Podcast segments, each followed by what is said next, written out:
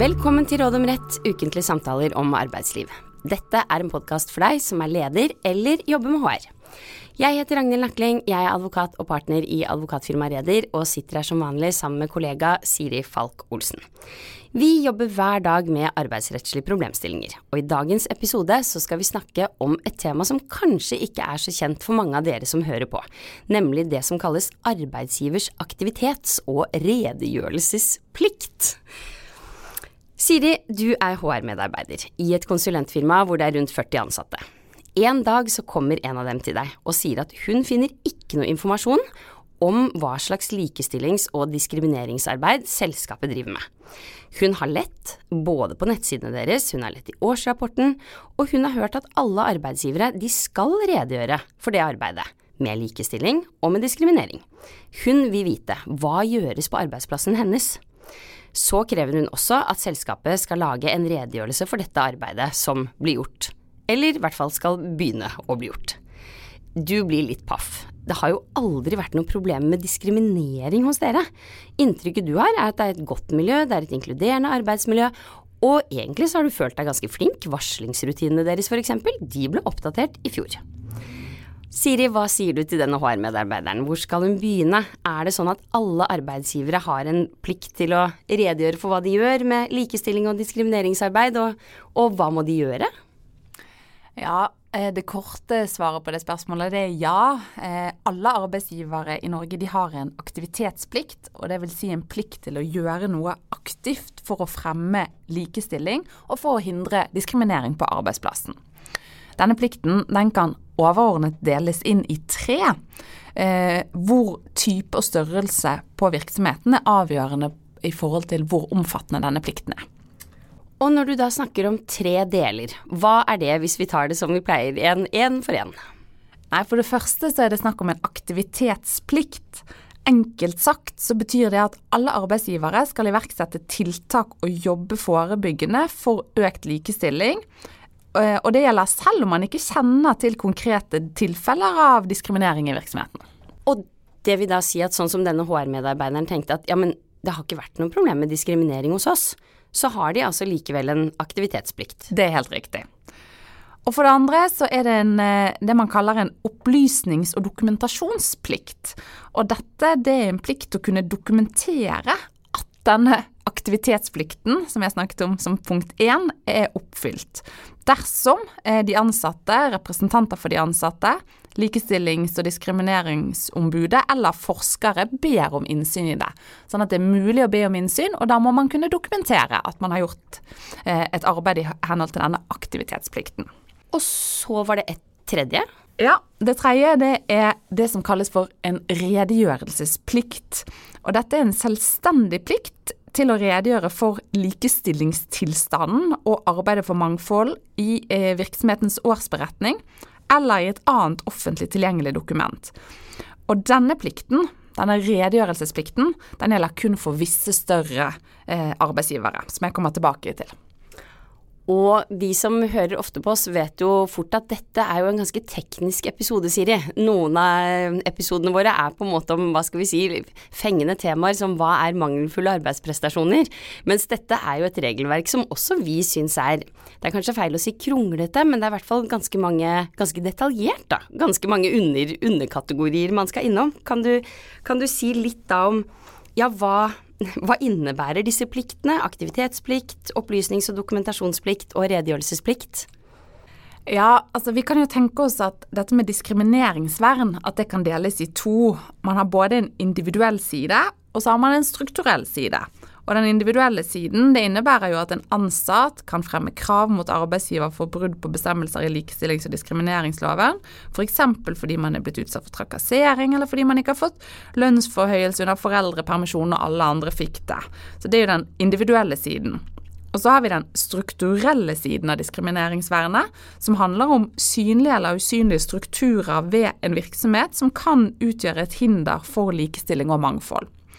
Og aktivitets- og redegjørelsesplikten det er et veldig viktig virkemiddel for å styrke det eh, strukturelle diskrimineringsvernet ved at alle arbeidsgivere må jobbe aktivt, systematisk eh, og planmessig i dette likestillings- og diskrimineringsarbeidet. Og det er ikke noe tvil om at dette høres ganske omfattende ut, og vi bistår jo en del klienter som vi kanskje må si at syns dette høres litt Som syns at dette er litt mye. Men samtidig så er det jo da noe lovgiver har bestemt at man skal gjøre, med henblikk på å få både økt oppmerksomhet og etterlevelse da, av de reglene, og mindre, mindre likestilling og Eller mer likestilling og mindre diskriminering i praksis. Men kanskje du først kan si litt om hvor finner vi de reglene du har snakket om nå? Ja, disse reglene de finnes ikke i arbeidsmiljøloven. Disse reglene eh, de finnes i likestillings- og diskrimineringsloven, og da nærmere bestemt paragraf 26 og 26a. Og denne loven, likestillings- og diskrimineringsloven, den ble vedtatt i 2017, men vi har også før 2017 hatt regler om likestillingsarbeid i norsk lov. Eh, arbeidsgivers plikter til å jobbe med likestilling og mot diskriminering, det har med årene blitt mer og mer omfattende, og det har utviklet seg fra aktivt kjønnslikestillingsarbeid til å i dag gjelde alle diskrimineringsgrunnlagene, eh, men da med unntak av alder. Og eh, aktivitets- og redegjørelsesplikten ble også skjerpet ved de siste lovendringene, som trådte i kraft da eh, i januar 2020. Så her har det skjedd en del. Det har det. Og hvis vi starter med Vi snakket jo om tre forskjellige plikter, da. Hvis vi starter med aktivitetsplikten, hva er det? Ja, og da kan jeg begynne med å si at aktivitetsplikten den, den, må inndeles i to, eller kan inndeles i to. Men da er det at det gjelder en generell aktivitetsplikt for alle arbeidsgivere i Norge, og så er det en konkret aktivitetsplikt for offentlige eh, arbeidsgivere og større private virksomheter. Men for å ta den generelle som gjelder for alle, uavhengig av størrelse først, Kort sagt så innebærer aktivitetsplikten at alle arbeidsgivere skal sette mål, iverksette tiltak basert på målene og ha en plan for når og hvordan tiltakene skal gjennomføres. Og Det skal som et minimum omfatte områdene rekruttering, lønns- og arbeidsvilkår, forfremmelse, utviklingsmuligheter, tilrettelegging og mulighet for å kombinere arbeid og familieliv.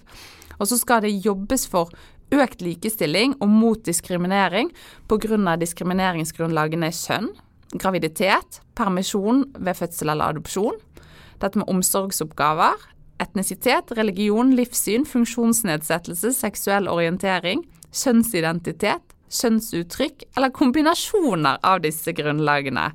Og så I tillegg skal arbeidsgiver søke å hindre trakassering pga. disse diskrimineringsgrunnlagene og da seksuell trakassering og det som beskrives som kjønnsbasert vold. Og når vi smiler litt i studio nå, Siri, så er det jo absolutt ikke fordi vi smiler av hva dette skal forebygge, men det er jo likevel en det er veldig mye. Det er stort omfang. Eh, og det er kanskje, i hvert fall sånn umiddelbart, så tror jeg mange norske arbeidsgivere vil tenke at noe av dette er, eller naturligvis alt er viktig, men at noe er veldig nærliggende og noe som er relevant for deres hverdag. Mens eksempel så har vi jo begge fått spørsmål fra klienter om kjønnsbasert vold. Ok, er det noe jeg som arbeidsgiver på en måte har et ansvar for? Men man har jo det. Um, så um, det skal man ta med seg. Og når vi da, nå har vi snakket om hva denne generelle aktivitetsplikten er. Hvis vi da systematisk går videre og sier litt om hvordan kan man oppfylle den, hva skal arbeidsgiverne gjøre?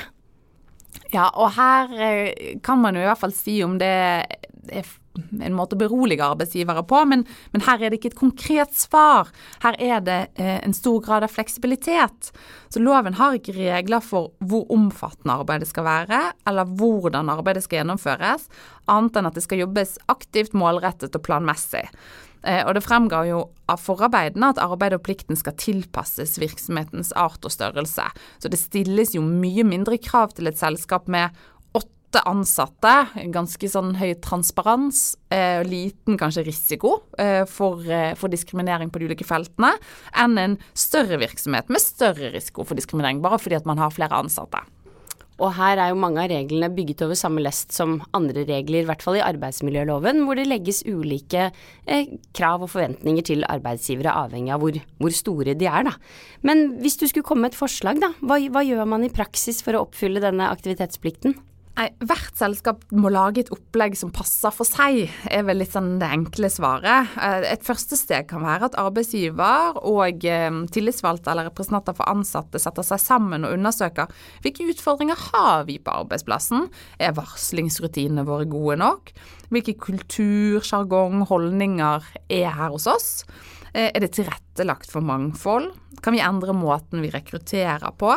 Det kan også være lurt å føre statistikk over kvinner og menn på lønn, deltid, stillingsnivå og dette med uttak av foreldrepermisjon.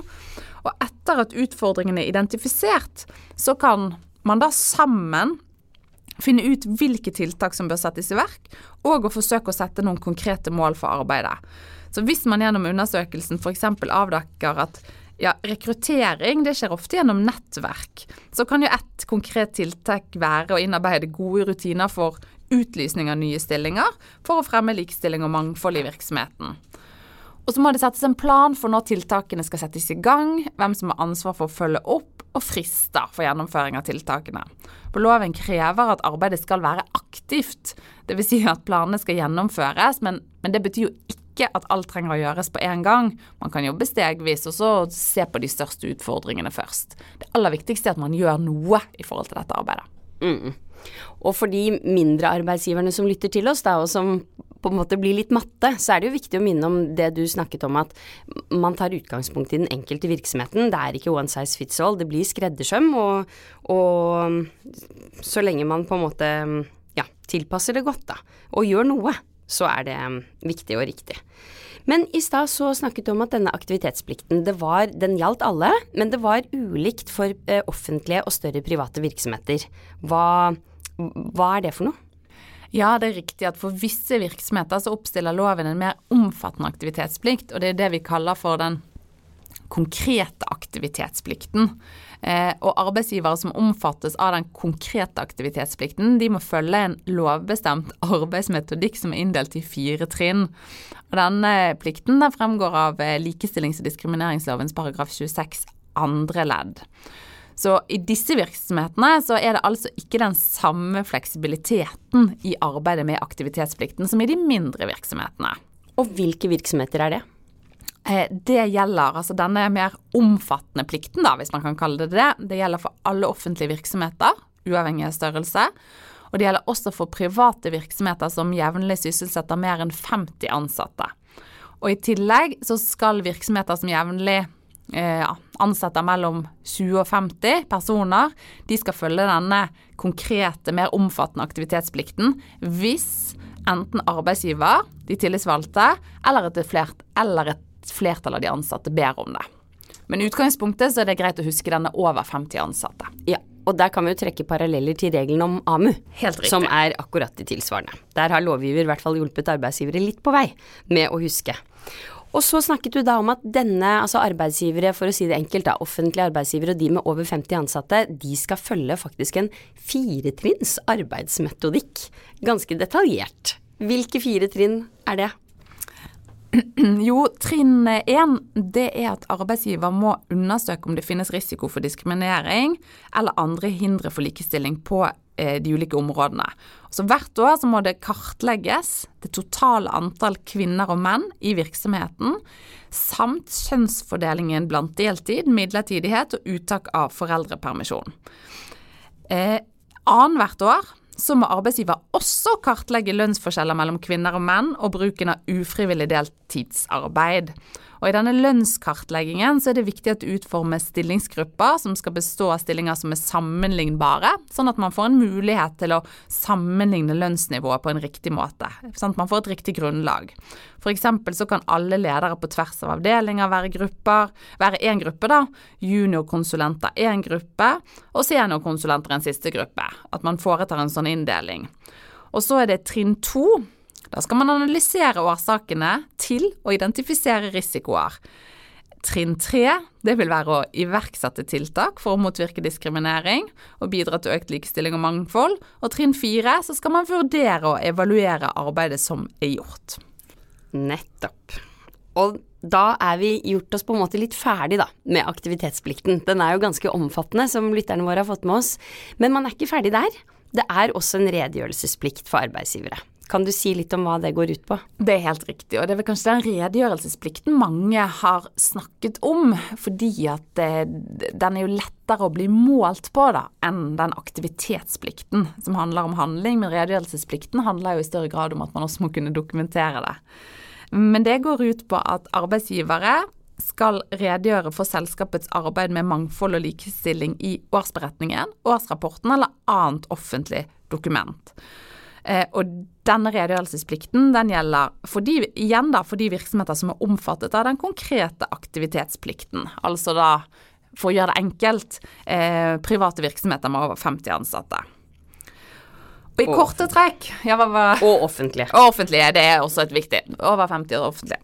Og i korte trekk så skal det da redegjøres for tilstanden når det gjelder kjønnslikestilling, samt hvilke arbeid som gjøres for å oppfylle aktivitetsplikten. Og siden denne redegjørelsen skal være offentlig, så er jo det viktig at enkeltansattes personlige forhold ikke røpes, og at, denne, og at resultater av lønnskartleggingen eh, anonymiseres. Og da må det være minst fem av hvert kjønn i de stillingsgruppene for at resultatene fra lønnskartleggingen kan offentliggjøres. Men det er jo viktig å huske på at selv om resultatene ikke kan offentliggjøres fordi at man er færre i hver kategori, så må arbeidsgiver fortsatt gjennomføre og dokumentere kartleggingen. Eh, og I tillegg så kan ansatte, diskrimineringsnemnda kreve, eh, osv. De kan kreve innsyn i opplysningene ved mistanke om ulovlig forskjellsbehandling ved lønnsfastsettelsen. Så det er viktig at dette arbeidet gjøres.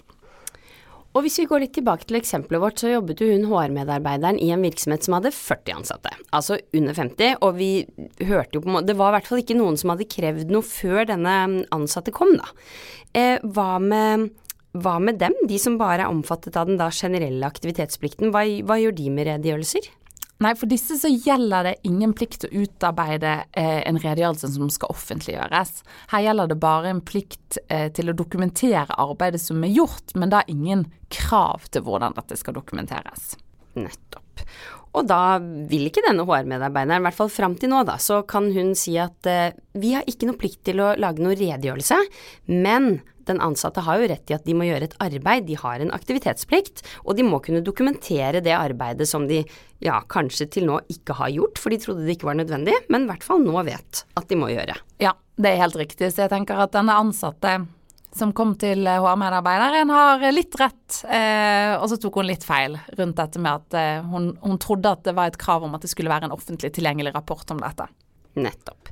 Hvem er ansvarlig, da? Hvem er det som må passe på at dette gjøres? Eh, det er styret som har det overordnede ansvaret. Eh, for virksomheter som er omfattet av den konkrete aktivitets- og redegjørelsesplikten, så er det et krav eh, om at arbeidet gjøres i samarbeid med ansattes representanter. Mens for mindre private virksomheter så er ikke dette et krav. Men det er jo naturlig å inkludere tillitsvalgte, verneombud, arbeidsmiljøutvalg. Og fra virksomhetens side så er det naturlig å inkludere HR. Men det er jo også en fordel at de ledelsen, som sitter i ledelsen og styret involveres med jevne mellomrom sånn at dette skjer som en, som en integrert del av selskapets øvrige virksomhet. Nettopp. Og vi har jo vært inne på det, Siri. Her er det mange krav. Det er eh, ikke lett å lese alt ut fra loven. Eh, det er en krev, liksom, i hvert fall tenker jeg, en mer krevende oppgave kanskje for eh, de som lytter til oss, enn mange andre temaer som de er mer kjent med. Hva tenker du om det? Ja, jeg er enig i det. Eh, det. Dette oppleves, det vet vi, at det oppleves av mange som omfattende. Eh, det er jo viktig å huske at loven oppstiller rammene for pliktene, men de nærmere kravene, de, altså hva ligger i disse kravene, det er utbrodert i forarbeider.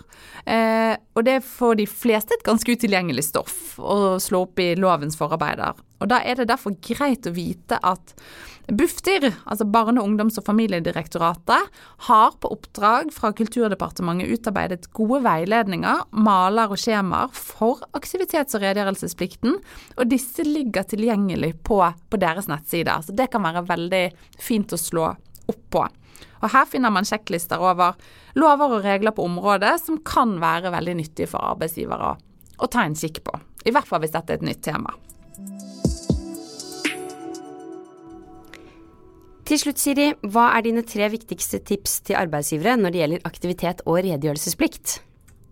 Det må være for det første å lage gode og ikke minst realistiske planer for dette arbeidet, og så forsøke å følge de. Eh, for det andre så bør eh, ansatte representanter involveres i arbeidet, fordi at de naturlig nok ofte har kjennskap til hva som rører seg i virksomheten blant de ansatte, og vil komme med veldig gode og viktige innspill til dette arbeidet. Eh, og for de virksomhetene som har over 50 ansatte, så husk, og offentlige virksomheter ikke minst, så husk at man må lage en redegjørelse før rapportering neste vår. Det var det vi hadde i dagens episode. Takk for i dag. Vi kommer tilbake med nye tips og nytt tema om en uke.